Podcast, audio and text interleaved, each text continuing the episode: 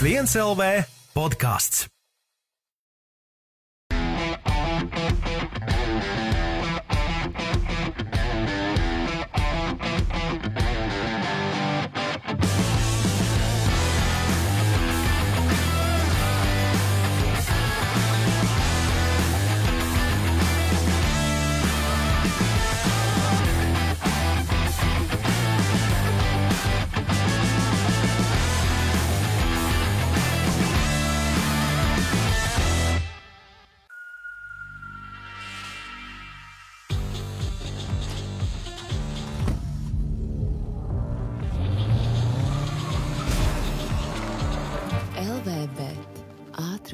Izmaksu kazino. Labdien, Formule 1 līdzjutējiem! Pēdējo reizi esam studijā pirms vasaras brīvdienām, lai atskatītos uz to, kas ir noticis vakar, aizvakar un aizaizvakar. Tā bija sprinta nedēļas nogale Beļģijā, leģendārajā spātrasē, un kā jau pienāks spātrasē, protams, bija arī ļoti daudz lietutiņš, kas nedaudz parādījās pat arī svētdienas sacīkstē, bet no svētdienas bija laikam vienīgā diena, kad visi līdzjutēji nebija līdz vīlītei izmirkuši. Pirmā lieta, laikam, kas jāsaka arī šodien, ir tie arī latvieši, kas bija uz vietas. Visu cieņu jums visiem! Visiem 380 tūkstošiem pa visu nedēļas nogali, kas tur nosēdēja tajās nogāzēs, kuras lapjums nāca no augšas un no apakšas, un tomēr nepameta trasi un noskatījās to visu līdz galam un saglabāja fantastiski labu garstāvokli. Es, ceram, es ceru, ka arī Jānim ir labs garstāvoklis. Čau, Jāni! Kāda tev darīšana, kad man garstāvoklis? Mēs redzam, ka nav labs garstāvoklis. nē, nē, viss ir labi, viss ir lieliski. Nu, jā, nu, ko lai saka? Es redzēju, kaut kur baigi foršo to. Nu, es, jā, es būšu tāds varbūt drusciņš pesimistisks. Nīgras šodien. Es, es būšu, būšu. Nu, pienākās reizēm, bet uh, es redzēju, bija baigi kolosālais ieteikums. Man liekas, tas bija mēts no tā. P1 vai kaut kas tamlīdzīgs. Viņš ieteica, kādu jaunu programmu Formulē 1. Tā kā varētu būt. Tas bija piekdienas treniņš, piekdienas vakarā kvalifikācija, tad sestdienas kvalifikācija, kvalifikācija un svētdienas kvalifikācija, kvalifikācija. Nu, man liekas, ka tas varētu būt ļoti labi, jo izskatās, ka pēdējā laikā kvalifikācijas daudz interesantākas nekā sacensības. Jā, interesanti nedēļas nogala kopumā. Es teiktu, ka tiešām un, tās svētdienas sacīksts pēc šī ievada, es domāju, jūs nojaušat, varbūt nebija pati interesantākā. No otras puses, es gan neteiktu, ka bija garlaicīgs sacīksts. Kopumā bija, bija pat stratēģijas, kurai, kurām var pievērst uzmanību. Bija arī kāds pa kādam incidentam. Uh, bija pa kādai jautrai lietiņai. Uh, tā kā mēs to visu arī apskatīsim šodien, bet sāksim mēs ar vienu rekordu. Un es uh, Jānim pajautāšu, kā rekordi tiek gāzti nepārtraukti. Mēs nevaram izsekot viņiem līdzi visiem no Verstapena, no Red Bull puses. Uh, bet kā tu domā, kādu rekordu sasniedza šajā nedēļas, no, iepriekšējā nedēļas nogalē Maks Verstapens? Maks Verstapens? Jā. Varbūt to, ka divreiz pēc kārtas salauza savu trofeju. Uh, nu, viņš gan pie otrās reizes nebija vainojams. Viņš arī pie pirmās reizes nebija vainojams.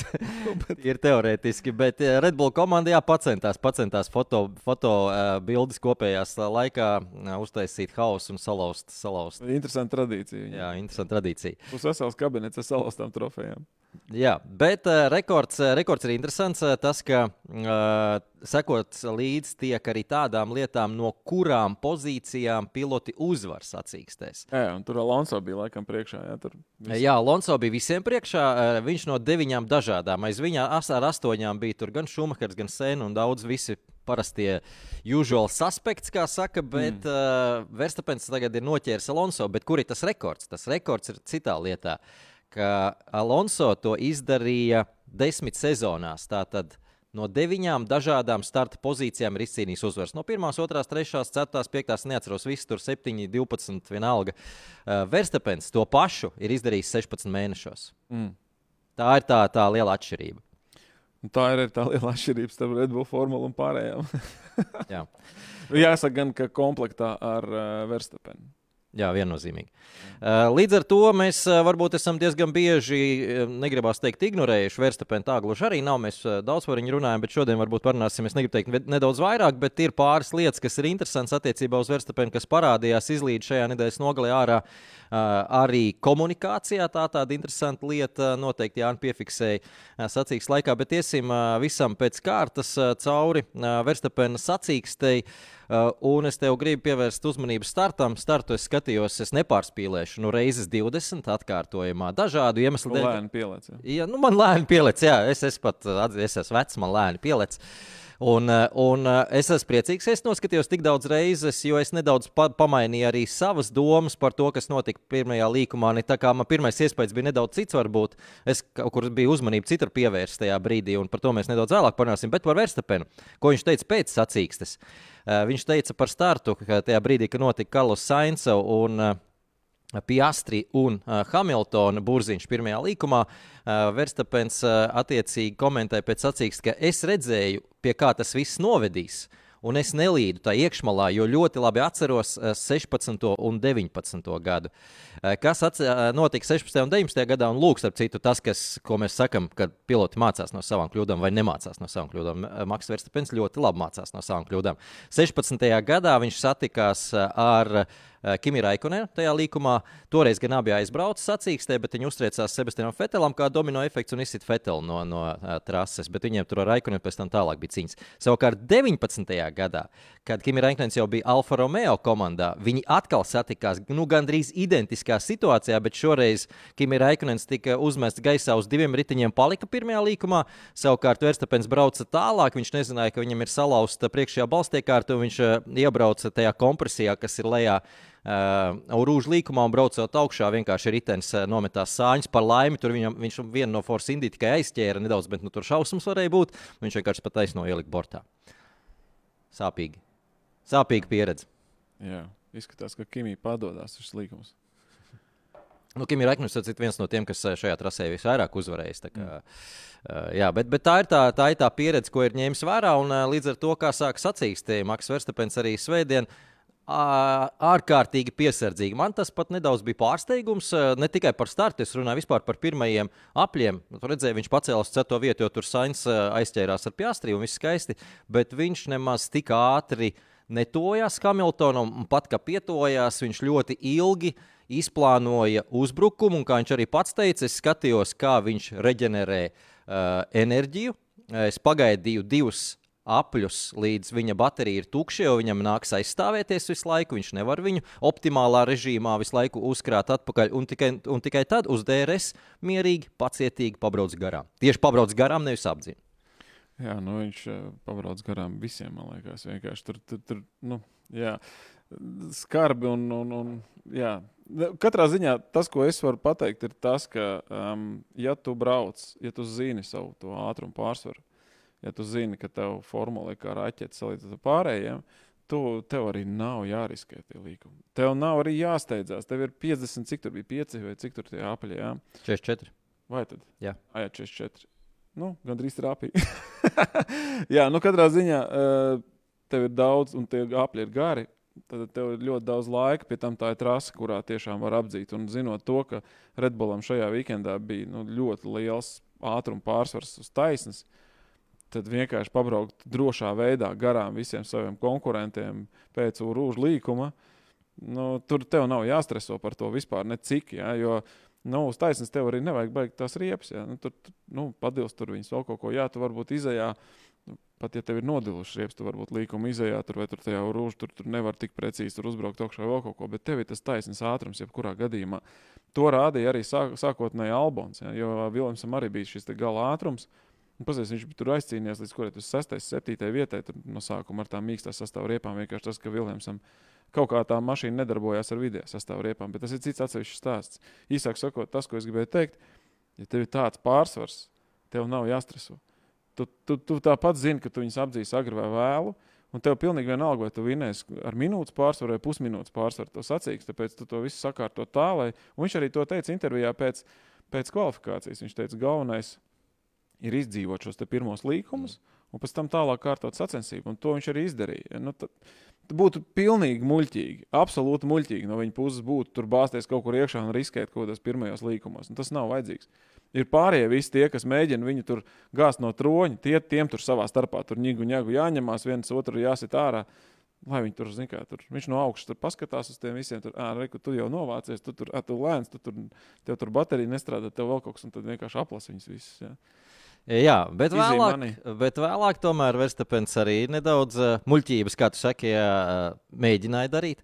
Uh, līdz tam vēl nokļūsim. Uh, nākamais apdzīšanas manevrs jau bija krietni jautrāks, un man ārkārtīgi patika. Uh, Okons, gan, ma- manuprāt, es tā arī neatradu video. Es vairs va vakarā ļoti vēlā nemeklēju, gan otrais, un varbūt tagad ir jau atrodams. Ja nu ir, ie- ejiet paskatīties uh, Estebana Kona apdzīšanu Leskombes pārmalu ar uh, Cunodu, tas jau sacīks beigām. Nu, tas, manuprāt, ir top apdzīšanas manevrs eh, tajās, šajā sacīkstē. Kā, kā jau teicu, es neatradu. Gazlijam arī bija viens apdzīšanas manevrs ļoti sulīgs. Jā, nu, Normāli. un, Viņi- uh, Viņi kaut kā mācīja šodien, šoreiz. Jā. Verstapens, Verstapens arī tajā pašā vietā apzina Leclerc pārmaudu. Tas jau bija nopietnāk, tas bija interesantāk. Nebija pretestības gan milzīgas no Leclerc. Viņš arī saprot, ar ko viņam ir cīņa, ne jau ar Verstapenu. Tas, tas nedaudz varbūt. eh, Nevis nepatīkami, bet tas nedaudz tādu frustrāciju papildina, ka nu, Verstapenam jau viņi necīnās pret Verstapenu tā, kā viņiem vajadzētu. Ja viņi būtu viens pret vienu, arī Hamiltons saprot, ka ja viņš tā, sāks tagad ilgstoši ar viņu mocīties, nu pilnīgi skaidrs, ka viņš līdz ar to nevarēs ar Leclerc cīnīties un varbūt kļūs par upuru arī tiem, kas nāk no aizmugures. Viņam ir jāizvēlas tās prioritātes. Bet tad pats interesantākais nokļūs aiz Peresa. Verstapens sāka šo komunikāciju ar savu sacīkšu inženieri Džampiero Lambāzī, kas eh, nokļuva arī mums ēterā diezgan daudz, nevis starp citu, nokļuva ēterā, bet eh, nokļuva eh, tās interesantākās lietas. eh, Un eh, Tā bija tā interesanta situācija, jo pilnīgi noteikti viņi bija izstrādājuši abi divi jau pirms sacīksts kaut kādus scenārijus, jo viņi runāja kodēti. Pēc tam apmēram to šķetinot, var saprast, bet pirmajā brīdī bija ļoti grūti saprast, jo Ver- Verstapens teica šādus vārdus: vai mēs darām to vai nē? Mm. Jo viņi zina, kas ir tas. Jā. Mēs it kā to nevaram zināt, bet nu, pēc tam kļūst skaidrs, tas bija tā saucamais undercut. Ja viņš izvirzās vadībā, un ja Peres ir vadībā, tad pie šāda scenārija, kas ir ļoti ticams, kas arī notika, vai mēs taisām undercut. Un tāpēc viņš arī palika nedaudz nepacietīgs, jo Džampiero Lambazī šajā brīdī nedaudz iepauzēja un ne, ne, neteica, jā, mēs darām to, jo no komandas stratēģijas viedokļa skatoties, eh, pilotam, kas ir vadībā, ir priekšrocība doties boxos un līdz ar to arī veikt šo undercut. Līdz ar to tika taisīta pauze. Tas bija viens iemesls, otrs iemesls, ka nāca virsū lietus un ilgi nevarējās izšķirties, vai būs viens boxu apmeklējums vai divi. Eh, Jo, ja taisām tūlīt, tad ir divi boxu apmeklējumi. Ja gaidām lietu, kad vajadzēs svaigas, mīkstās sastāvā riepas, kā minimums, varbūt pat interus, ja tas lietus ir, ir mm. intensīvs, tā tad mēs varam iztikt ar vienu boxu apmeklējumu, jo tas lietus atnāca apmēram uz puses sacīkst. Jā, Plus, mīnus. Un, eh, tas bija tas izšķirošais moments, eh, bet līdz tam nenonāca par laimi, jo šo situāciju nedaudz, uh, kā teikt, izlādēja Hamiltons. Hamiltons uztaisīja undercut, un viņš bija tajā četrniekā joprojām iekšā, kas ietek, ietekmē pilnīgi visus. Viņš devās pirmais boxos ar mēģinājumu Leclerc izpurināt. Leclerc arī uzreiz momentā devās, un Peres devās uzreiz momentā. Un līdz ar to apli vēlāk to darīja arī Verstapens. Tā, kā, tā bija tā situācija, kur Verstapens palika nepacietīgs, jo viņš gribēja ar undercut tik garām Peresam. Jā, un tas uh, raisa jautājums, Ne, protams. bet kur ir tas jautājums, ko es tev gribēju prasīt, ja es nepabeidzu? eh, Jo tas jautājums ir tāds, eh, jo es redzēju, ka komentāros arī cilvēki raksta, ka nu, Peres noteikti tiek apžots no Red Bull. Nu, nevar būt tā, ka, ka Peres ir tik lēns. Noteikti viņam tur ir spiediens, pieregulē un es ko tur dara. Uh, bet redzam, ka šeit pat Verstapena sacīkšu inženieris neatļauj Verstapenam izdevīgāko stratēģiju veikt tikai tāpēc, ka ir kods komandā norunāta džentlmeniska vienošanās, ka pilots, kas ir vadībā, viņam ir prioritāte uz, mm. uz stratēģiju.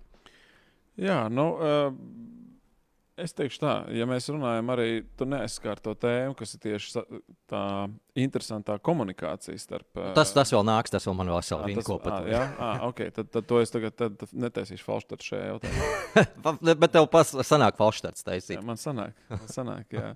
Tad, um, tad jāsaka, ka nu, nevar saprast īsti to viņa neiecietību, varbūt, jo man liekas, ka viņam vajadzētu būt pilnīgi pārliecinātam, ka arī vienkārši trasē viņš var apbraukt Peres. Un, jā, ir bijuši gadījumi šo sezonu, kad Peres ir uh, bijis līderis un uh, Maksam nav tā arī izdevies viņu noķert. Ir bijuši, un tādi bijuši divi. Un, uh, kas bija pārsteidzoši, man liekas, mums pilnīgi visiem. Jo mēs jau tajā pirmajā reizē runājām par to, ka, nu, jā, nu, tagad viņš visus tur apzina, trīs sekundes no Peres, nu, tad jau tas viss būs kārtībā. Un tā, nu, beigās čiks un nebija, ja, un Peres vinnēja sacīks. Tāpēc Tāpēc varbūt tas bija tas iemesls, ka viņš tomēr ticēja, ka, ka Pēters var kaut cik ātri pabraukt, bet nu, beigās izrādījās jau, ka nevar. Uh, jā, es domāju, ka pārliecība Verstapenam ir uh, droši vien arī par apzīšanu, jo tas arī parādās vēlāk sacīkstē, ne tikai par apzīšanu, par to, ko viņš vispār var izdarīt šādos apstākļos. Tajā brīdī atceries, ka viņš pašā beigās jau prasīja, nu tad uh, taisam vēl vienu boxu apmeklējumu, lai jūs patrenējaties. Un uh, tad viņu Lambazī nolika vēlreiz pie vietas. Uh, bet patiesībā viss sākās, atceries, jau sestdien uh, šī komunikācija ar uh, Džampiero Lambazī. Un tā ir tāda interesanta lieta, pilnīgi noteikti, bet nevajadzētu gluži no šīs situācijas varbūt pūst, pūst tiešām kaut ko vairāk nekā tur ir. Tur ir divi džeki, kur ir nu, apmēram tādas attiecības kā vecākais brālis, jaunākais brālis, es teiktu, kur abi divi ļoti skaidri, skarbi un tieši saka, kas ir pa lietu. Un, nu, tādā sniegpārsliņu laikmetā, kā šobrīd, daudziem tas liekas ārprāts, ārprāts, nu kā jūs runājat viens ar otru. Uh, Bet, nu, pirmkārt, tā džeki runā. Otrakārt, uh, viņi nav dzimta, viņu dzimtā valoda nav angļu. Līdz ar to viņi izvēlas vārdus, nu, kā viņi izvēlas vārdus. Un tas nozīmē, ka nu, vienkārši tur ir arī tāda situācija, ka ir momentā jābūt skaidrībā, jātiek skaidrībā, ko mēs darām, kā mēs darām tūlītās. Un tieši tā tas arī notiek. viens uz otru pabļauj, pēc tam viss ir kārtībā. Un, un Horners pēc, ja tas bija pēc tā, tās sestdienas, teica vislabāk, es uh, atlaižos krēslā un izbaudu. Es izbaudu to, kā viņi komunicē. E, un, kā viņš teica, es zinu, ka Maksam Verstapenam tas ir, nu, kā latviskais teiciens, kā pīlai ūdens. Viņš aizmirst momentā tādas lietas, savukārt Džampieram Lambazi neaizmirst tādas lietas. Un es zinu, ka nāks vēl ārā. Un nāca nākamajā dienā ārā. Tas viss tā kā vēlreiz, jo viņš Maksam Verstapenam atkal pateica, vecīt, brauc, dari, kas tev jādara, es darīšu un uzticies man, es darīšu savu darbu, tu uzticies man. Un netaisa šeit scēnu, kur scēnas nav. Es negribu būt baigais pārtīkrāšers, bet man liekas, ka te, kāpēc tā tēma vispār uzpeldēja pēdējā laikā un tik ļoti, tad es domāju, ka drīzāk tas ir kaut kāds arī daļai Red Bull marketing triks. Piesaistīt to uzmanību komandai, jo tāpat to Verstapēnu necik nerāda, un tagad vismaz ir par ko pa viņu parunāt. Arī, arī. Tāpēc man liekas, ka tas ir vairāk arī druskuļi uzspēlēts tajā visā. Bet, uh, nu, uzspēlēts, nav teiksim, tā saruna. Iespējams, ka viņa tāda varētu arī būt. Vienkārši varbūt viņa pirms tam bija pietušēta. Uh, un viņi tomēr izvēlējās citus vārdus, varbūt. Un tagad, kad viņiem ir iedod zaļā gaisma no, nezinu, no mārketinga puses, ka, ai, laižiet vaļā rītī, kā jums tur sanāk, uh, jo visiem tas patīk un par mums tagad runās, nu, tad tagad mēs arī dzirdam to īsto valodiņu. Ja? Tā kā, Jā. tā kā, nu, es negribu būt pārtika rašers, bet man liekas, ka tur ir daļa, liela daļa no tā visa ir tomēr Red Bull mārketings, un viņi šajā ziņā ir nu, ļoti spēcīga komanda un zina, ko viņi dara. Tāpēc, tāpēc es pieļauju, ka tā, tas arī tas, kāpēc viņiem ir ļauts šādā veidā turpināt komunicēt. Jo, man liekas, ka jebkurās citos apstākļos iespējams, ka viņi jau būtu sen jau pieklusināti no vadības puses. Uh, Jā, es domāju, ka tur uh, uzspēlēts netiek, bet es piekrītu, ka uh, no komandas puses uh, tas, ja ne netiek ierobežots, tad tiešām bez maz vai dod, dod zaļā gaismu. Tur, jā, tur nu, galvenais ir rupi nelamājieties ar pārējais visu daļai. Jo, jo salīdzinājums kaut ar to pašu Mercedes tajā brīdī, kad rodas kaut kāds saspīlējums gan Russellam, gan jo īpaši Hamiltonam, es sacīkšu inženieriem, tad uh, agrāk bija arī James uh, Valls, bet uh, atceries arī Wolfs, tā kā ik pa brīdim, sevišķi tagad arī Russell un arī Hamilton iesaistījās. Savukārt Horners nekad to nedara.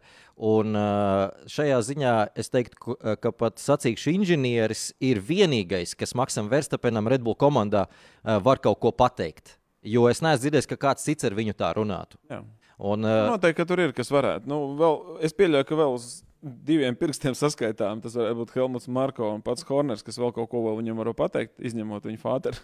nu, es domāju, ka tur arī, arī ir, lai cik tas dievai nebūtu, jo interesanti arī par šo ir, ka nu, Maksam Verstapenam ar Red Bull ir līgums, kā nevienam nekad nav bijis ar Red Bull līgums, kur viņš diktējis noteikumus un vienmēr diktēs noteikumus. Un šeit gan Helmuts Marko, gan Kristians Horners lokās nes cik līkumos viņa priekšā, lai to līgumu vai nu pagarinātu, vai nu noslēgtu vēl vairāk, jo nu skaidrs, kāds kāds. Viņiem ir tagad dārgumiņš, un, kā jūs teicāt, viņiem divi dārgumiņi. Uh, jā, un, pe... un, Juvis, jā. Jā, un uh, līdz ar to Verstapens, Verstapena līgumā ir klauzulas, kur viņš var aiziet prom. Uh, mm. Savukārt Red Bull nevar laust to līgumu. Un Red Bull savukārt visiem pārējiem pilotiem Nu, tur var izspērt jebkurā brīdī, kā mēs ar Devrīs redzējām. Uh, jā, bet nu, ne, par, ne par to runu šoreiz, bet starp citu. Uh, Džampiero Lambazija savulaik tika noliegts 2014. gadā no Force Indy komandas. Toreiz, kad vajadzēja jaunu sacīkšu inženieru Sebastianam Fetelam, jo Žilams Rokvelins tika paaugstināts amatā. Un tika meklēts cilvēks, kas ir ļoti praktisks, ļoti vienkāršs, bet ar ārkārtīgi stingru raksturu un stingru viedokli. Ja. Un, uh, tika intervētāti vairāki. Uh, pats Fetels ir piedalījies arī intervijās. Uh, toreiz nu, viņš gan ātri aizgāja, līdz ar to uh, šis, šis sacīkšu inženieris nokļuva vispirms pie Kjata, bet atcerieties, 2016. gadā Barcelonā. Uh, tika ielikts uh, Maks Verstapens un jau pirmajā sacīkstē abi izcīnīja uzvaru. Kopš tā laika kopā strādā. Es domāju, ka viņi viens otru ļoti labi pazīst. Un, jā, jā. un es domāju, ka tur tiešām mēs varam salīdzināt kā jaunākais brālis ar vecāko brāli. Un jaunākais brālis šeit ir Maks Verstapens. Ne, ne, ne, nepārprotiet. jā, jā, jā. Un starp citu runājot par, uh, bija vēl viena interesanta. Nu, tur bija vairākas īstenībā tādas interesantas sarunas. Ne tikai starp Red Bull, bet man ļoti patika viena diskusija starp Džordžu Russellu un, un, un Toto Wolfu. Tad, kad viņi stāvēja uh, uh, pitlīnijā. Nē, bet tur, kur bija tā telts virsū, un tad, tad Volfs viņam prasa par to, ka vai tev nav tur slapjas ūziņas galīgi, tur sēžot formulā. Viņš saka, nē, nē, nu man ir kā normāli, zem tenta, man žēl tur tos, tos skatītājus, tie tur baigi izmirkuši. Un to to saka, viņš saka, nu mēs jau varam noņemt to tentu tev nos, nu varbūt tu gribi, zini kā, nu tā kā lai sajustos tuvāk skatītājiem. Un tā, un tad viņš teica, viņš, un tad Džordžs viņam atbildēja, ka nu, tu jau visnībā arī varētu izvilkties ārā ar mums, tepat pastāvēt. Solidaritāti izrādīt uh, jā, jā, jā. mehāniķiem. Jā, tā, tā. jā, un tad viņš, tad viņš tur piedāvāja, tur, un tad Toto teica, nē, nē, mums te tā pūš iekšā, ka es domāju, garāžas vārds aiztaisīt. Nu, tur, un tad tas sākās izlocīties. Tad, un tad sākās tās diskusijas par to, ka īstenībā ir arī tāds noteikums, ka garāžas vārti nemaz nedrīkst būt cieti. Jā, tad tur, tur ir FIA noteikumi. Nu, respektīvi, ir kaut kādi speciāli iekšējie noteikumi, kur tiem vārtiem ir vienmēr jābūt vaļā, jo aiztais viņus cieta, tur uzreiz sākās kaut kāda kāds sodi. Ja. Nu, jā, tā jābūt atvērtiem, lai var, viss ir tiek filmēts. Jā, precīzi, jā, tieši tā. Jā, nu, tas, tas bija interesanti. Par Džordžu arī vajadzētu panākt. Mums, mums iet rāta laiks uz priekšu. Ķersimies nākamajām lietām. Maks Verstapens esmu saslavējuši 20 sekundes atved viņš Peresam. Gala rezultātā es līdz galam neiešu tajā stratēģijā, varbūt neanalizēsim, bet Peresam nebija nekādas atbildes. Faktiski pēdējā nogriezienā, arī otrajā nogriezienā, pirmajā vēl it kā izskatījās, ka viņš to nogriezienu divu ar pus, to atstatumu divu ar pus tās sekundes tur kādu brīdi, bet bija tāda aizdoma, ka Verstapens īpaši necenšas gaidot, kāda būs stratēģija. Tad līdz tajā brīdī bija tas, ko es stāstīju, ka nebija skaidrs, ko mēs darīsim tālāk. Tajā brīdī, kad eh, atceries, abi nomainīja riepas, atgriezās Pēres priekšā, nu Verstapens vienkārši viena aplī viņam piebrauc klāt un, godīgi sakot, arī pabrauca garām. Un šeit ir tā labā lieta priekš Red Bull no Peresa puses skatoties. Viņš vairs necīnās par čempionu titulu, viņam arī nav jābūt agresīvam, un šajos, eh, šajā gadījumā tas nenormāli nāk par labu.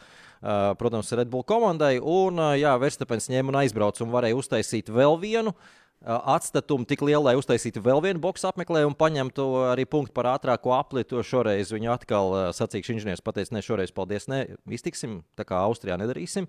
Uh, viss ir kārtībā. Uh, līdz ar to Hamiltons izmanto iespēju. Bet, ko es ar to gribēju teikt, lai arī Peres ir atpakaļ pēc cik ilga pārtraukuma maijā, viņš pēdējais bija uz godu piedestāla. Ja?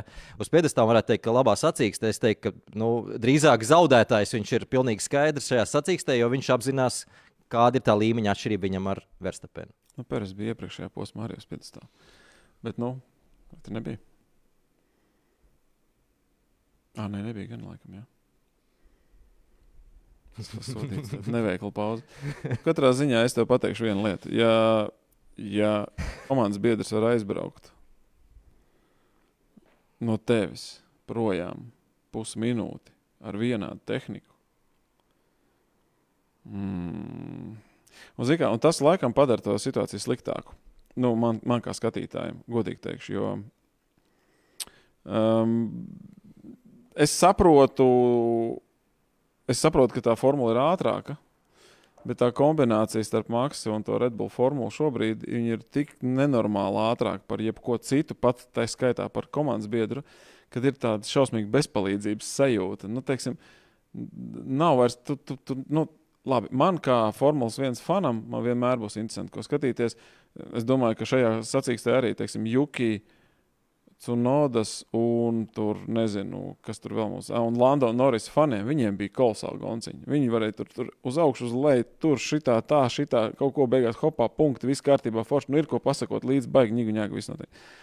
Bet, eh, bet, teiksim, ja tu tā klasiski skaties sacīkst un tu saproti, ka, nu, nav Nu, un pie tam šie pēdējie divi posmi parādījuši, ka pa lielam vienkārši pilnīgi nevienam nav ne, pat ne mazākās, tuvākās izredzes paņemt pirmo vietu. Nu, tā ka nu, viņas vispār nav.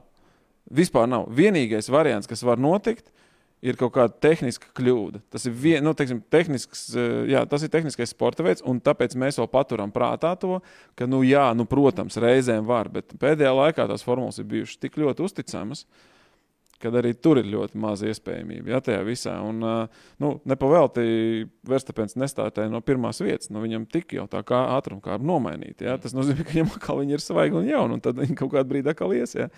Tā kā, un, un tas ir tas, kas kā, nu, baigi kā, demotivē nu, teiksim, no skatītāja viedokļa. Tas nav Kādreiz ir tā, jā, viens čels tur vinnēja, viss kārtībā, bet viņš ir turpat kaut kur, un ja tur kaut kas, nu, teiksim, uzlīst lietus, vai tur, nu, jo pasties, mums bija, es Twitterī to rakstīju, mums bija perfekts sastāvdaļas, spātrāse, maks nav no pirmās vietas, pa vidu uzlīst lietus. Bet man tāpat likās garlaicīgi sacīkst. Ja? Nu, tad, nu, garlaicīgi no tā, no uzvaras viedokļa skatoties, garlaicīgi. Ja? Tas ir, Jā, tas ir, nu, tas ir liekas, no, nopietni. Godīgi. Nē, man, man atvainojos, atvainojos pilnīgi visiem līdzekļiem. Man, man jau te raksta Ritverī, ne, bet tajā YouTube komentāros, ka Jānis šodien ļoti neinteresēts ar visā pasākumā. Tā kā, jā, to var just. Jā, man, ne, man patīk sprints sacīkst, man patīk sprints sacīkst. Man ļoti patīk, man ļoti patīk kvalifikācija, jo man tiešām pēdējās divas kvalifikācijas man pat ir ļoti patikušas. Tur ir kaut kāda sava veida intriga tajā visā iekšā, un man, man tas tiešām patīk. Uh, Um, varbūt man uh, drusciņi vēl no, nolaida to, to, to gaisu, vēl tas, ka Maklārens bija pilnīgi bezzobains šajā posmā. Kaut kā gribējās ticēt, ka viņi tur turpinās savu to, to foršo gājienu. Jā, nu tā kā tā. Tā kā es ļoti atvainojos par manu negatīvo nostāju, bet es domāju, ka tas ir labi, ka, kad, kad mums tomēr ir dažādi skatu punkti ar Alde. Nevis mēs dzirdam vienu dziesmu. Es esmu sajūsmā. Uh, jā, pavisam īsi. Uh, Sainz, es uzreiz atvainojos, Sainz bija uz godu pēdējā pagājušajā posmā kopā ar Norisu uh, uh, Peres. Peres jā. Uh, runa bija no manas puses, tā doma bija par, par kvalifikācijām. Protams, kvalifikācijā tagad bija kvalifikācijas kārtā. Uh, Lai nu kā, liksim Pēters mierā, viņam, viņš tagad ļoti gribēja brīvdienas. Viņš saņēma brīvdienas, lai tad nāk atpakaļ Zandvortā ar jaunu, jaunu enerģiju. Iesim pavisam īsi arī pie, pie sprinta sacīkstes, jo Jānis teica, ka tā bija interesanta. Uzreiz es parādīšu šo klipiņu no sprinta sacīkstes, un te no Jānim vajadzētu pastāstīt, kā tad izskatās no pilota viedokļa, kuram ir vaina un kāpēc es saku vaina. Nu, šoreiz mēs meklēsim vainīgo, jo, kā jau teicu, Fiat tieši to arī dara.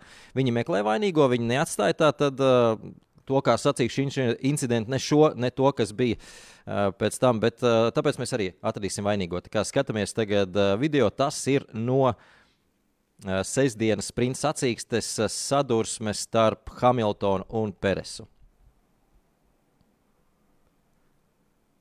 Tu, Jānis, vari pakomentēt šo situāciju.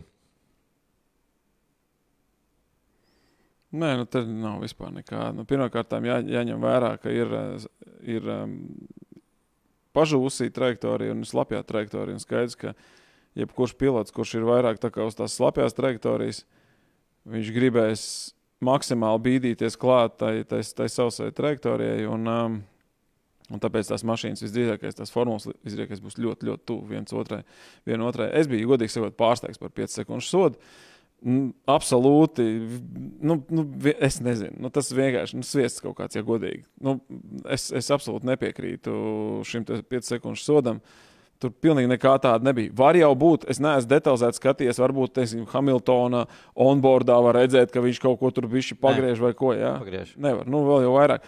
Un pat ja viņš būtu pagriezis, šādos Bija apstākļos, pat ja viņš būtu pagriezis vai vēl kaut ko tamlīdzīgu izdarījis šādos apstākļos, kad ir slapjš arī, uh, Nu, tad, korekcija vienkārši. Jā, nu, tur, tur, tur nevar. Tad, es nezinu, nu, šis bija sviests. Godīgi, šis nebija pareizi. Jā, es, es piekrītu. Jā, pirmajā brīdī jau man likās, ka, nu, ja nu kas ir sacīks incidents eh, pēc noklusējuma, tad šis varētu būt sacīks incidents. Un uh, liekat mierā abus divus uh, tiesneši uh, izskatās, un tāda ir neoficiāla informācija. Oficiālajā relīzē tas netika apstiprināts. Tiesneši šoreiz izskatās, ka ir arī ņēmuši vērā. Uh, uh, sekas, respektīvi Peres bojājumu un izstāšanos, kas tika, starp citu, pirms tam daudz runāts, ka incidenti no sekām ir jāskata atsevišķi. Mm.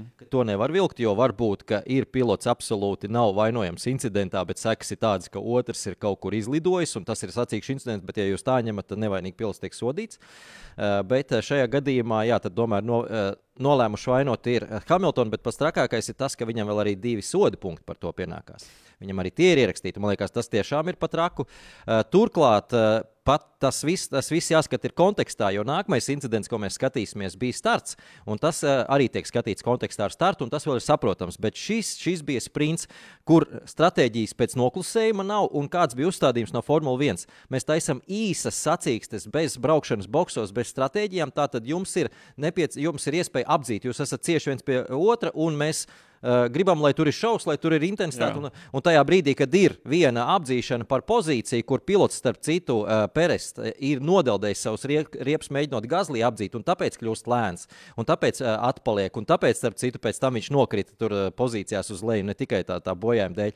Un tad ir apzīšana, un jūs momentā to sodat nu, tad kaut kas neiet kopā ar jūsu filozofiju un tiem plāniem. Kā, Jā, nu, vēl ir dusmīgs par šo. Es arī esmu dusmīgs par šo, jo nu, jāņem vērā. Ir nu, par ko ir soda punkts. Ja? Nu, skaidrs, ka soda, nu, tur jau tā lieta vēl jau vairāk kā divi.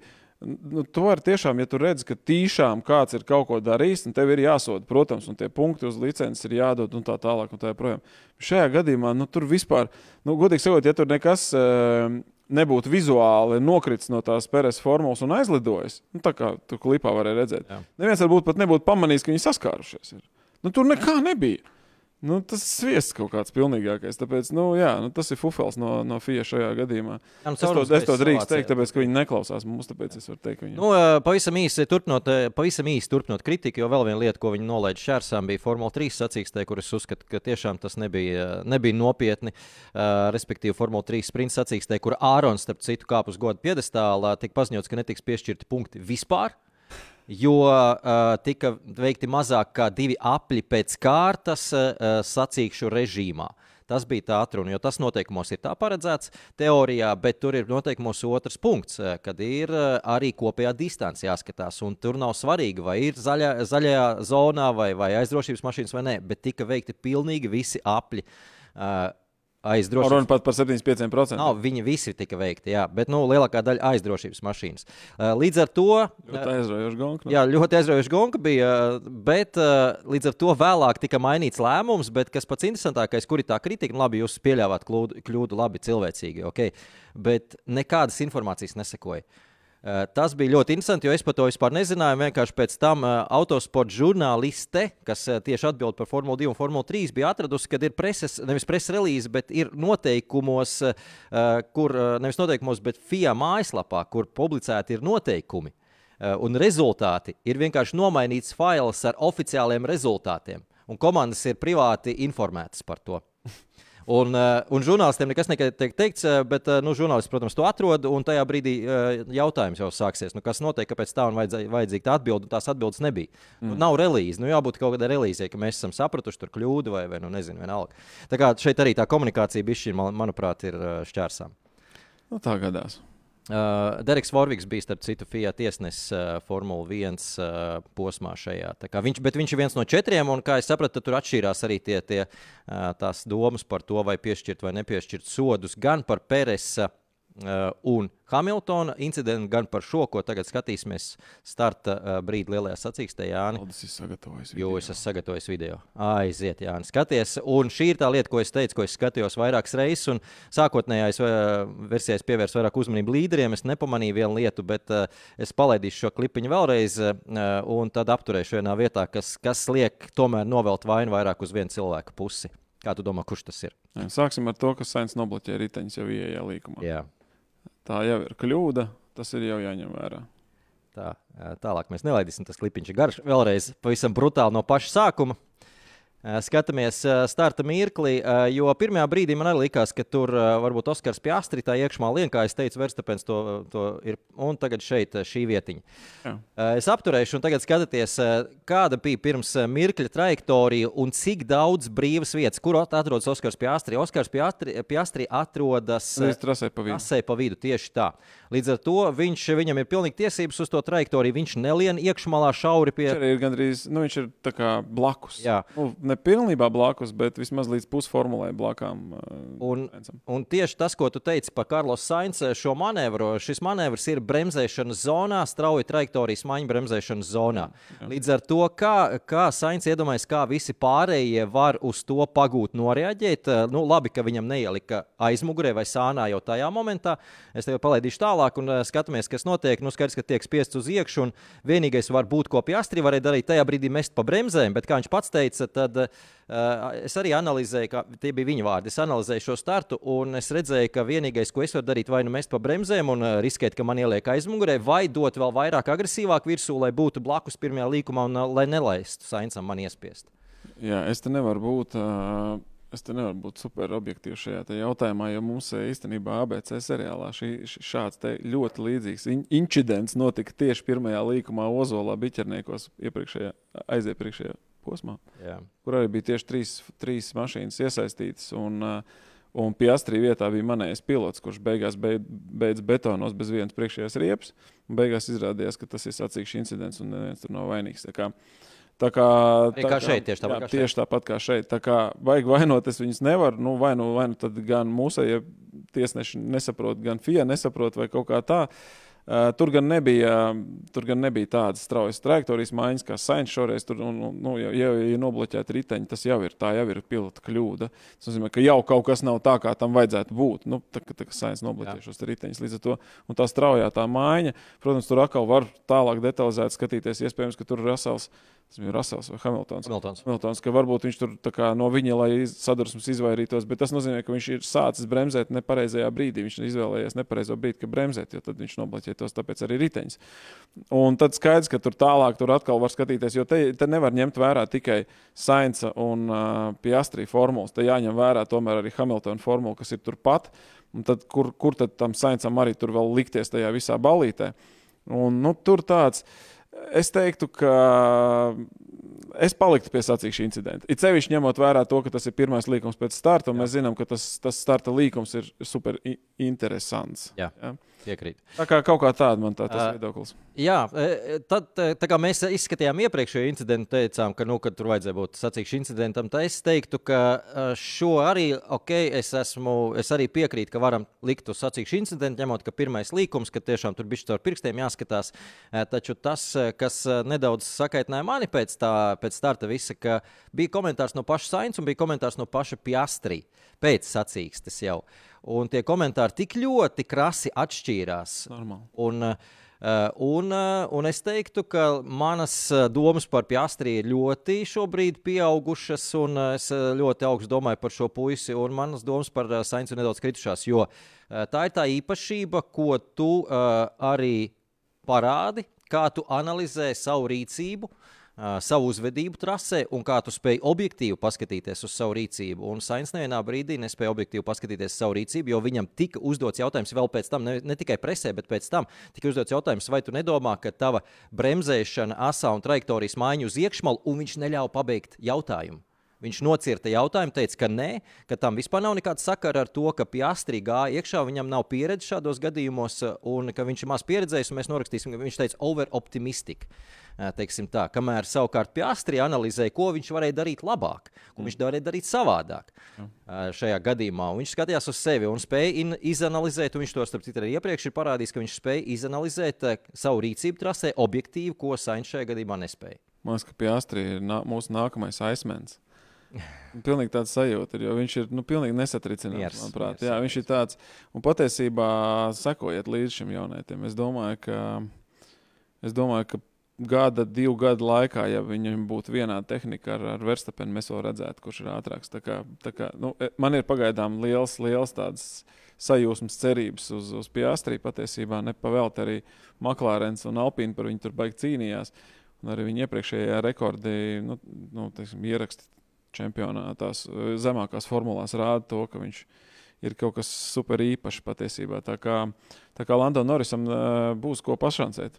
Lando Norisam nebūs viegls darbiņš, lai arī mēs sākumā likās, ka būs. Bet, Bet beigās izskatās, ka nebūs viegli. Tā kā man patīk arī, es tev pilnīgi piekrītu, ka Sainz reakcija bija, nu, varbūt, nu, nu kā jau varbūt dienvidniekam pienākās tāda karstasinīgāka un, un, un varbūt vairāk tendēt uz sevi, bet pilnīgi noteikti pie Astrija reakcija bija daudz patīkamāka un, un, un iedzīgāka.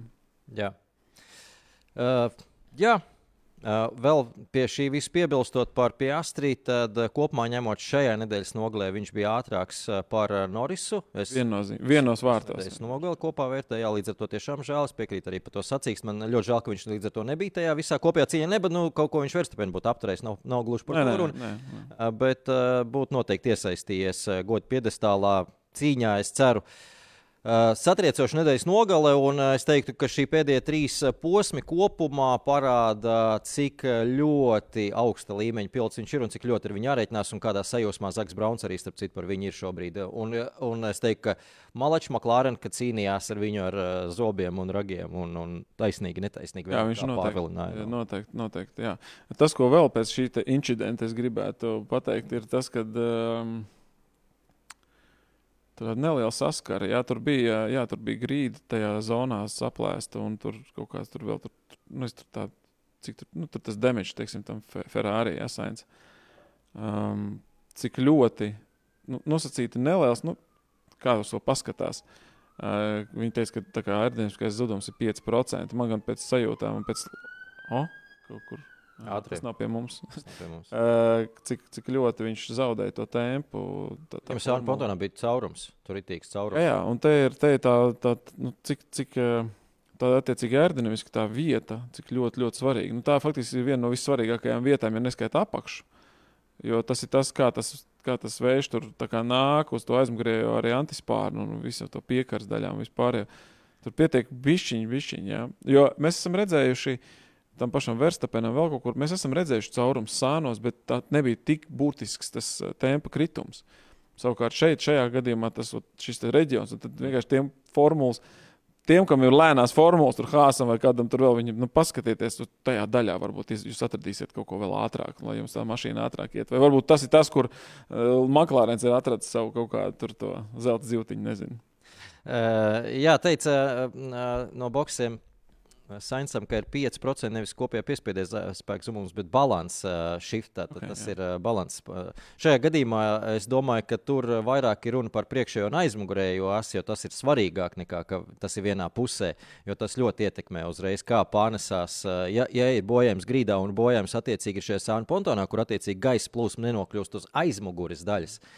Kā tādas, tas nozīmē, ka tas pārnes aerodinamisko balansējumu starp priekšējo un aizmugurējo riteņa asi. Tas savukārt nozīmē nenormālas izmaiņas. Tev visos pārtnējumos, visos līkumos tev slīd vai nu priekšā ārā vai aizmugurē ārā, jo tev vairs nav tas līdzsvars, kas ir vajadzīgs, lai tos līkumus nu, jā, nu, jāņem vērā, protams, ir specifika, šīs trases specifika, arī šie ātrie līkumi un, un vispārējais. Un, uh, iespējams, ka citā trasē varbūt tas nebūtu tik vēl ievērojami kā, kā, kā šajā trasē, bet šeit jau nu noteikti.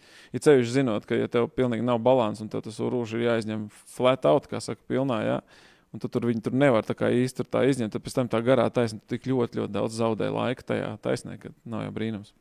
Uh, jā, un uh, tika turēts diezgan ilgi trasē, bet uh, vēlāk arī uh, Frederiks Vasūrs stāstīja, ka tas bija doma, ka būs sarkanie karogi, ka varbūt lietas uznāks un būs pietiekami nopietnas, būs sarkanie karogi, mēs varēsim sataisīt. Tur... Arī gaidīju, domāju, nu, kāpēc viņi vēl tur dzenājas. Es domāju, nē, nu, skaidrs, ka ja, ja tiešām lietas atnāk, viss kaut kas vēl var būt, un varbūt viņš var atgriezties sacīkstē. Jā.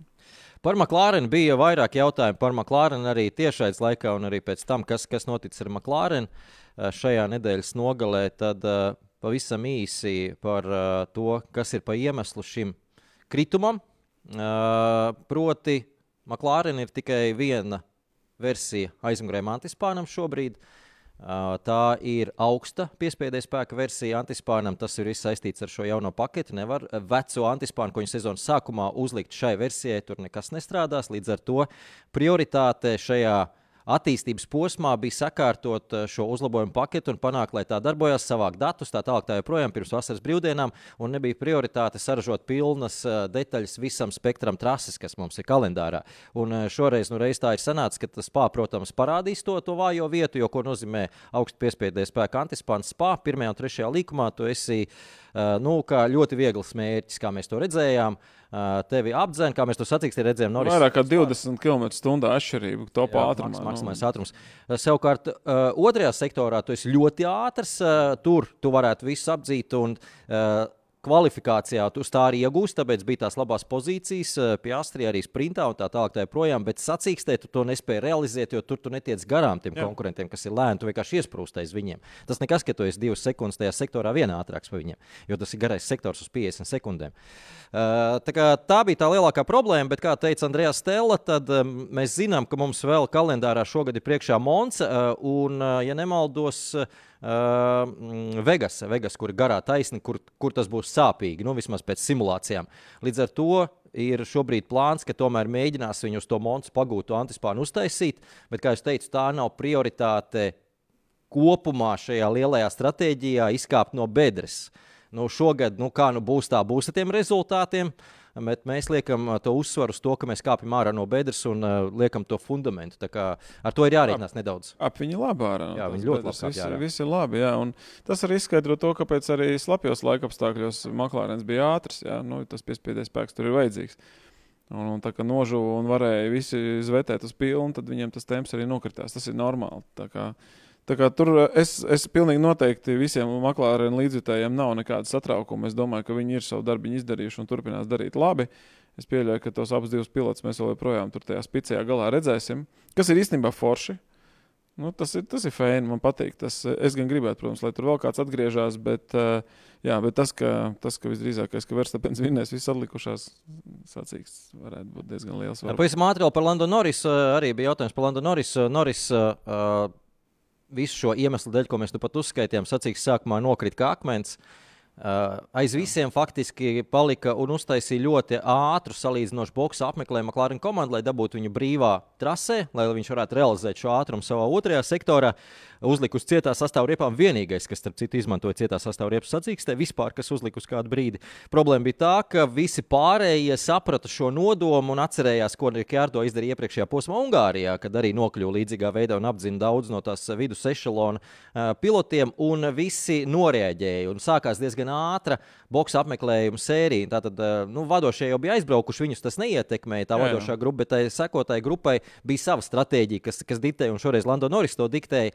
Un uh, liela daļa nor, norēģīja uz to, ko tas nozīmē, ka visi atkal sabira priekšā Lando Norrisam, un atkal tā ir tieši tā pati problēma. Un uh, tajā brīdī McLaren nu, nav jau īsti ko zaudēt, pārgāja ļoti, ļoti agri uz mīkstā sastāvā riepām. Atkal atmeta diezgan tālu aizmigļēju Lando Norrisu. No šoreiz vispārējie izvēlējās īpaši nesakot viņam, nu, lielākā daļa, jo nu, tas pārāk agresīvi ir. Un tā bija tā vieta, kur tad Lando Norris un tas brīdis un tas izšķirošais moments, kur Lando Norris izspieda septīto vietu. Jo, kā viņš pats teica, Man likās, ka mēs būsim pēdējie. Kā es esmu nokļuvis līdz septītajai vietai, es nesaprotu, bet tas ātrums tajā brīdī, kad uh, bija lietus trasē, un uh, lietus bija vienu brīdi diezgan uh, nu, nopietnas, negluži lai liktu zaļās, bet pietiekami nopietnas. Tajā brīdī vislabākais moments bija Lando Norris, bija svaigas, mīkstā sastāvā riepas uzlicis un brauca 4 sekundes ātrāk nekā visi viņam apkārt, 2 sekundes ātrāk nekā Verstapens. Viņš to brīdi brauca, milzīgu laiku viņš atspēlēja, līdz ar to nokļuva priekšā ļoti daudziem. Uh, Eh, kas tur vēlāk veids boxa apmeklējumus, palika aiz viņa. Un, eh, nu, jā, tur, tur viņi arī izglābta to sacīksti. Jā, un eh, jāsaka, cepura nost Maklārenam. Patiesībā visas komandas izņemot, izņemot Ferrari. man e, rada tādu priekšstatu, ka viss ir gatavs uzvarēt. Mēs tā runājām sezonas sākumā par Astonu Martinu, arī ka viņi tur ir ar labām stratēģijām strādā, un tas tēmas viņiem tur ir, un pitstop viņiem ir sakārtot, un viss tur tagad ir. Tagad, tagad Maklārens ir to Astonu Martinu vietu ieņēmis, un viņi arī strādā labi, un viņam arī ir labas stratēģijas, un viņi arī visu dara forši. Un, zin, kā, un vienīgais, kas tur nonākot kaut kur tuvumā pie Red Bull, vienmēr sačakarēs, ir Ferrari. Nu, tas sodīts. No. Uh, jā, nu par Ferrari tad jau pavisam īsi šoreiz Leclerc uh, trešo reizi godu piedestālu šogad, un uh, kas ir interesanti, viņš uz godu piedestālu kāps ir visos, visās sprintnedēļas nogalēs. Tātad Baku viņam bija piedestāls, Austrijā viņam bija piedestāls, tagad šeit. Nu, tā drīzāk tomēr ir sakritība. jo nu, lielo sacīkstu īsti neietekmē tomēr pašu sprinta, sprinta nedēļas nogali kā tāda. Un šoreiz Ferrari nesapinās Jā. ar stratēģiju, viss bija kārtībā. Viņi strādāja pret, galvenokārt cīnījās pret Hamiltonu. Vienu brīdi Leclerc teica, ka viņš varētu mēģināt ķert rokā Peres pēc tempa, un tā arī izskatījās, ka bija ļoti tuvu, tur divas sekundes. Un, un Leclerc teica, ka viņam vēl bija šī rezervītē, nu, ka viņš skries pakaļ, bet Ferrari nu, es nezinu, vai tā bija kļūda, vai tomēr apzināti bija ļoti, ļoti riskējuši ar degvielas apjomu. Viņam bija jāsāk taupīt degvielu. Daudz bija patērēts arī pirmajā nogriezienā, agresīvās cīņās, un līdz ar to doma par Peres ķeršanu bija jāatliek, mm. bet stabili kontrolēja Hamiltonu. Hamiltons klāt netika. Hamiltonam, kā jau teicu, atlika tikai mēģināt ar stratēģiju, ar tā saucamu undercut, mēģināt tik garam, ko viņš arī nespēja izdarīt. Jā, nu, jebkurā gadījumā arī Mercedesam tas temps tomēr palēnām, palēnām, ne tik strauji kā Maklārens to ir izdarījis, bet tomēr kāpj. Kaut kur viņi tur jau ap to godu piedestālu, trešo vietu, tur kaut kur arī kustās, jā, nu, kas varbūt nemaz nav slikti. Ja vēl sakārtos tās kvalifikācijas, visas tā kā tam ir jābūt, tad varbūt mēs redzēsim tomēr vairāk, vairāk komandu cīņu. Ja, un, Un te jāsaka, ka Maklārens un, un, un Mercedes ir izdarījuši tomēr labāku darbu nekā šobrīd Aston Martin. Nu, jācer, ka Es baigi ceru uz to pauzi. Nu, patiesībā es esmu priecīgs, ka ir tā pauze, jo man liekas, ka, ja šī tā viss tagad tādā mutulī turpinātos un Verstapēns visu laiku vinēt, vinēt, vinēt, tas neko labu nedarītu šitai visai. Man, man ir kaut kāda aizdoma, ka tā pauze ir tieši tā, kā viņa vajadzīga ir. Tā, tagad brīdī, kad nu, tagad tā pf, nopūšam gaisu, mm. sagatavojamies, kaut ko tur kā restartējamies. Skaidrs, ka tāpat iespējams, ka tas scenārijs būs visļaunākais no tā viedokļa, ka tā ir Zandvorta un tur Verstapēns gribēs vienkārši pat trijām minūtēm no visiem aizbraukt projām. Ja? Nu, nu, skaidrs, ja tur viss kaut kas var būt, bet, bet uh, tomēr tā pauze ir vajadzīga. Jo man liekas, ka nu, tas visiem nāks tikai par labu. Pie tam tagad ir beigusies 5 pie, piecas nedēļu pauze MotoGP. Līdz to viņš tāpat MotoGP man aizvietos šo te, šos te weekendus tukšos. E, jā, pavisam īsi vēl par uh, McLaren vienu lietu aizmirsu izstāstīt uh, par to ātrumu, ko es minēju arī par Norris slapjā trasē. Kāpēc arī viņam bija ātrums tieši slapjā trasē? Uh, tas arī pateicoties kārtībā šai McLaren īpatnībai. Jo, kā jau teicu, viņiem ir augstākais piespiedu spēka līmenis. Ko tas nozīmē riepām? Tas nozīmē, ka riepas neizslīd. Nu, Tātad riepas diezgan stabili tiek turētas pie uh, pie asfalta, pateicoties tam piespēdēju spēkam, un ja viņas neizslīd, viņas neiet tātad šajā sāniskajā slīdē, un līdz ar to nenodils tik ļoti. Līdz ar to tas viss process viņam palīdzēja gan ātrumu iegūt, gan saglabāt tās riepas līdz finišam, jo neaizmirstam, ka viņš aizbrauca ar tām riepām līdz finišam. Tātad tie ir nu, visgarākais nogrieziens no visiem ar mīkstās sastāvu riepām. Tieši tas pats palīdzēja arī Oskaram Pjāstrī, šis augstais piespēdēju spēks tajā mitrējā trasē, tajā žūstošajā trasē sestdienas. Uh, sestdienas sprints sacīkstē turēt līdz Verstapenam, un viņš nekrita kā akmens lejā. Tur jau nav viss slikti, tomēr. Bet, uh, es... Nu, es nepateicu tik detalizēti, bet īstenībā es šo jau 5 minūtes atpakaļ pateicu. Jā, jā. Uh, un... nē, pareizi. Uh, tas ir jāatzīmē, lai cilvēki vienkārši saprotu, ka nu, tā arī ir. Tas piespiedu jā, vienkārši palīdz tajā to, kas, kas notiek ar Noris, kāpēc viņš tur nogāzās. Nē, nē, viss, tur, viss bija sašutumā. Jā, jā, tas, tas, tur viss ir absolūti loģiski un normāli. Uh, jautājums tev. Bija jautājums pirms pašas tiešai sākuma par Raselu. Kas notiks ar Raselu? Tādos lielos vilcienos, ne tikai šajā posmā. Nu, viņš šobrīd diezgan vienos vārtos zaudē Hamiltonam. Es domāju, ka notiek normālas lietas. Es domāju, ka notiek parastās lietas. Rasels ir saskāries ar to, ka Hamiltons nepavēlti ir septiņkārtais pasaules čempions. Nu, tu nevari vienkārši tā ņemt un visu laiku viņam braukt pa priekšu. Skaidrs, ka kaut kādā brīdī kaut kādā kaut kā tas viss eh, saliksies savā vietā. Uh, nu, es teiktu, ka tur nav nekādas panikas šobrīd no Rasela viedokļa. Arī jā, viņam tur dažas ne, neveiksmīgas kvalifikācijas, tā kā iepriekšējā posmā, tur, kur viņi piečakarēja pārējie un nelaid, neizlaida viņu normālā, normālā tempā ārā. Un uh, jāņem divas lietas vērā. Pirmā lieta ir jāņem vērā to, ka Hamiltons vēl joprojām nervozē, ja Rasels ir aizmugurē. Mm. To mēs dzirdējām komunikācijā, tā, ka bija tur, ties, tur, tur, tur pitstopi un bla, bla, bla. Tas, tas, tas vien parāda, ka tomēr ir Raselam pietiekami liels temps, ja, ja, ja Hamiltons viņu ņem vērā, ne tā kā tur Verstapens faktiski neņem vērā Peres. Tad tas ir viens. Otrs, tā, tā ātruma atšķirība arī viņam nav tik liela. Vienkārši Hamiltons iespējams, ka vai nu uz kaut kādu savu pieredzi, vai uz ko tomēr sakārto tās lietas labāk. Un tas ir tikai normāli, jo nu, kuram vēl lielāka pieredze kā faktiski Hamiltonam, ja, ja tā ņem. Tāpēc es domāju, ka tur panikai nav nekāda iemesla. Ātrums ir pietiekami labs, un, un, un, un, un Džordžs vienkārši krāja vēl joprojām to savu pieredzi un, un, un, un strādā uz to. Tā kā, tā kā nu, nē, es, jā, brīnumi nenotiks vairāk. Ja pirmajā sezonā brīnumi notika uz to, ko mēs jau teicām, ka Hamiltons vairāk strādāja, lai formula paliktu ātrāk, un, un, un, un, un, un Džordžiņš atkal tā. Nu, ko, ko, konservatīvi ejot uz lietām, tomēr gāja uz rezultātiem un tāpēc brauc pa priekšu. Tad, tad tagad tas viss ir nomainījies un palicis tā, kā tam ir jābūt. Mm. Um, es vairāk uztrauktos, ja viņš tur atpaliktu 2, 3 un 4 desmitaļas uz apli. No Hamiltona. Tad mēs varētu, varētu mēģināt norakstīt Džordžu. Bet citādi es domāju, ka tur viss būs kārtībā. Un ir jāsaprot, ka Hamiltons ir Hamiltons. Lai, lai kādam viņš patīk vai nepatīk, Hamiltons ir Hamiltons. Viņu nevajag norakstīt. Jā, es to tūlīt par Džordžu uh, atceros vienu lietu, vienu bildi atceros vēl par, uh, par to piastrīs situāciju un uh, tiem, tiem, tām riepām. Atceros, bija bildi pēc sestdienas uh, sprints sacīkstes, kur salikts riepas bija pēc finiša piastrī riepas. Uh, uzreiz pēc finiša Verstapena riepas un uh, Gazlī riepas, un Piastrī bija visnodulšākās. Uh, un mēs nu pat runājām par to, ka slapjā trasē nav problēmas ar slidināšanos, bet tā problēma bija tāda, ka sacīkstes laikā tā ideāla trajektorija bija faktiski sausa. Mm. Uh, tik nenormāli ātri žāvēja šīs mašīnas to, to ideālā trajektoriju, kas, kas ir arī labā lieta. Tāpēc mums bija starp citu drošības mašīna, četras aplis, jo viņi nožāvēja tā, tā kā putekļa sūcēju. Līdz ar to tajā sausajā trasē jau ir apgrieztā problēma. Uzreiz, protams, jā. tas ir runa par slapjo trasi. Uh, bet jā, par, par Raselu. Par Raselu tas, tas ir interesanti nedaudz šī tendence. Uh, Eh, paskatīties uz to, kā tiks eh, galā ar to Džordžs eh, Rasels. Uz šo posmu Raselam bija atšķirīgs spārns, viņam bija augstāks piespiedēja spēka līmenis, tā viņa, viņa iniciatīva bija. Jo, kā viņš pats teica, tas gan bija vēl pirms nedēļas nogales, kad viņš stāstīja par šo savām sajūtām. Tad kopš Monako uzlabojumiem, ko Mercedes atveda, viņam ir sajūta, ka viņš ir nedaudz nomaldījies. Mm. Ja tas ir tas punkts, kur viņš skatās atpakaļ, kur es varu izsekot, ka man ir aizgājis nedaudz šķērsām šīs sezonas mm. Turpinājums, un kur es, es esmu nedaudz varbūt, netrāpījis pareizajā uh, vietā, pareizajā laikā. Lai nu kā viņš.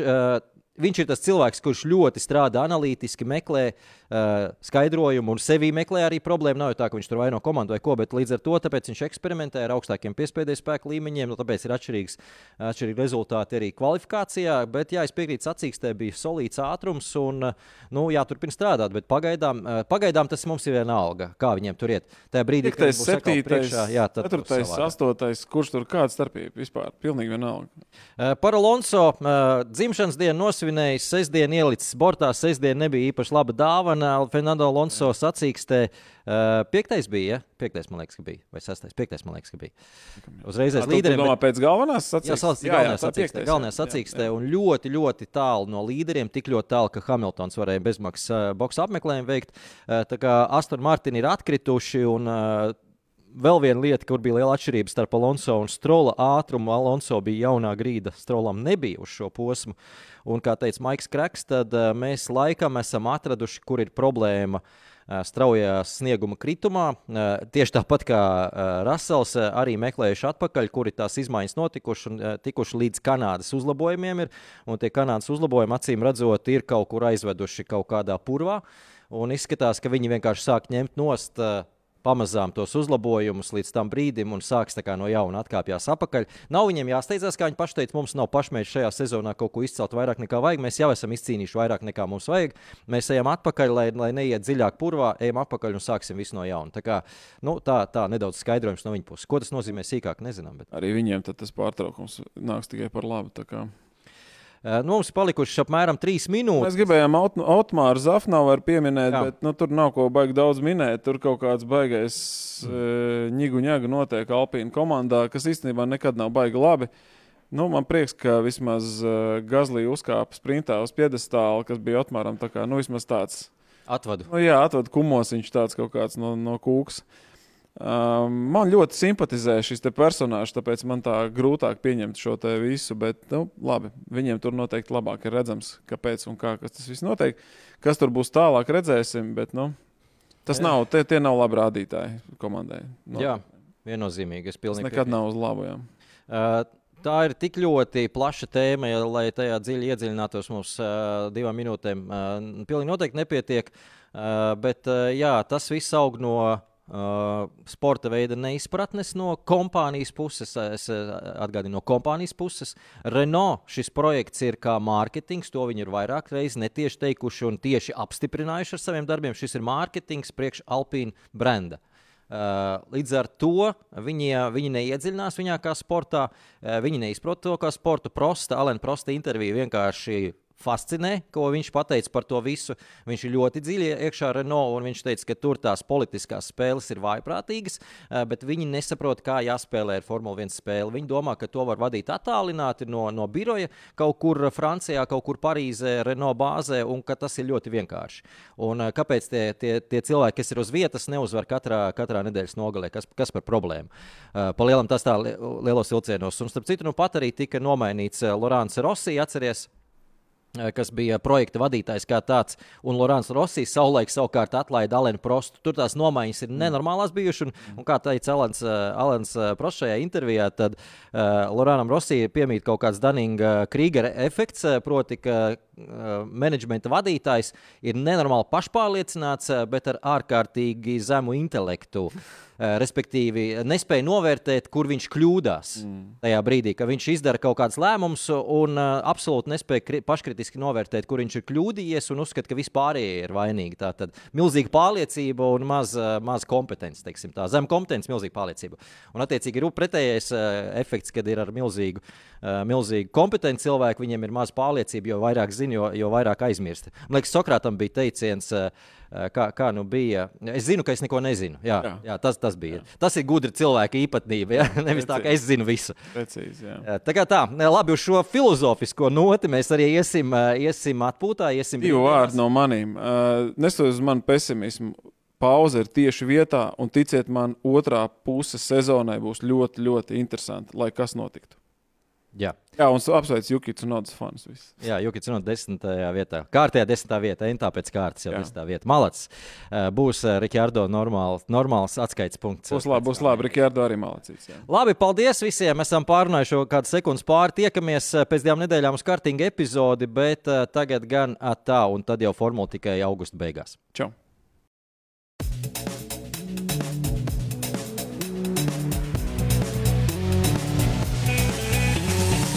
F1 LV podkāsts.